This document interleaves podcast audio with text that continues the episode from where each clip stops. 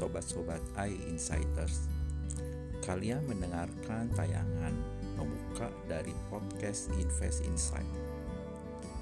Invest Insight merupakan podcast yang dibawakan oleh marketing konsultan dari Century 21 Chrysalis Expo 2 Bandung yang akan banyak membahas tentang hal-hal yang berhubungan dengan investasi.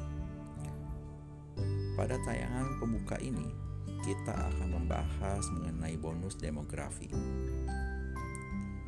Bonus demografi adalah cerminan dari angka rasio ketergantungan atau dependency ratio, yakni rasio antara kelompok usia yang tidak produktif dan yang produktif.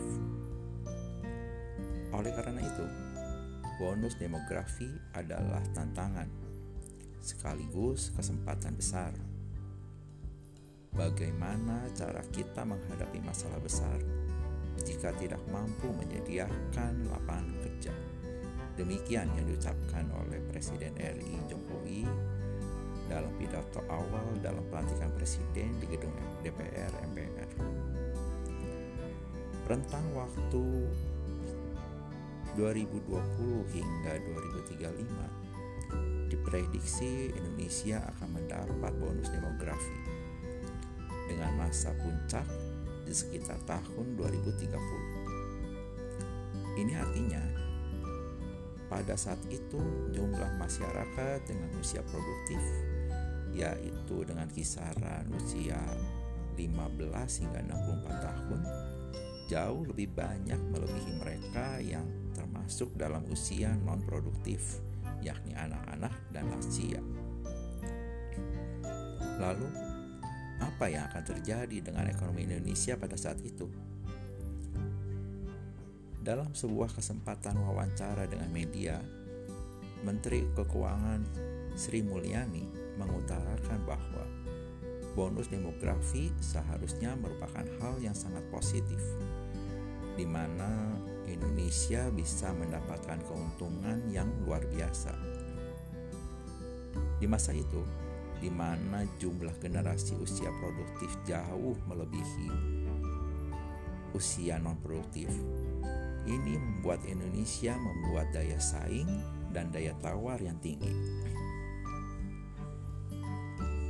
Kondisi ini akan membuat investor semakin tertarik untuk membelanjakan dan menginvestasikan uangnya di Indonesia.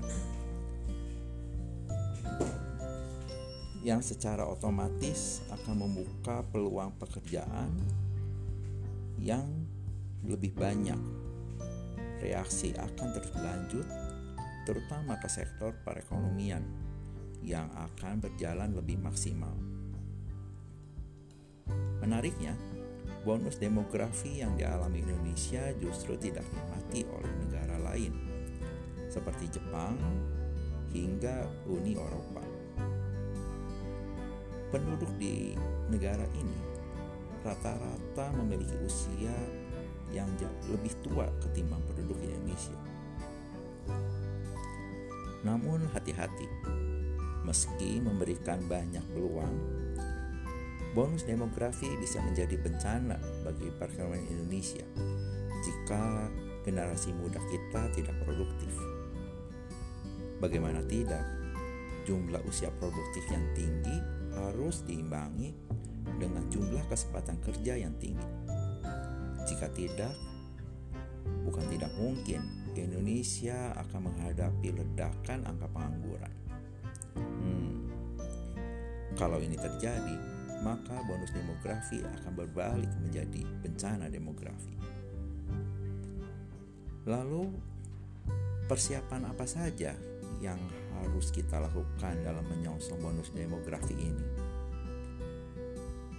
Pihak pemerintah sendiri saat ini sedang berusaha mengejar bonus demografi dengan cara meningkatkan kualitas pendidikan, pelayanan kesehatan, hingga mempercepat pembangunan infrastruktur untuk menunjang segala kegiatan perekonomian di Indonesia. Dalam hal ini, Indonesia pun dapat belajar dari Tiongkok dan Korea Selatan dalam hal memanfaatkan bonus demografi. yaitu antara lain dengan cara menggerakkan dan menciptakan industri-industri rumah tangga yang memproduksi berbagai komponen peralatan elektronik dan komponen industri lainnya. Indonesia juga pada saat ini akan menghadapi revolusi Indonesia uh, industri 4.0. Ini harus dapat kita manfaatkan sebaik-baiknya dan dapat kita harus kita pelajari dengan baik. Dengan cara demikian, kedua negara tersebut berhasil menyerap banyak tenaga kerja lokal di negaranya masing-masing dan memanfaatkan bonus demografi sebaik mungkin. Nah, kaum milenial Indonesia yang merupakan bagian dari bonus demografi ini merupakan bagian sentral dan menjadi bagian terpenting bagaimana kaum milenial harus dapat menjadi kaum milenial cerdas finansial sehingga dapat memberikan efek dan gelombang kejut pada lingkungan sekitarnya.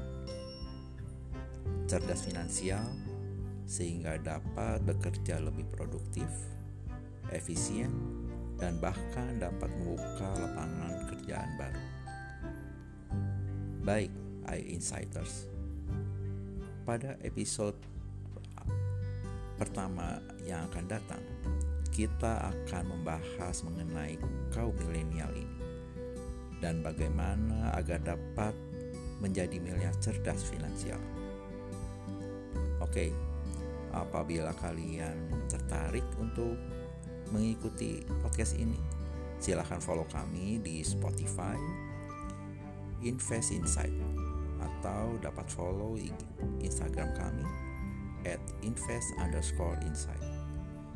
Sampai bertemu lagi.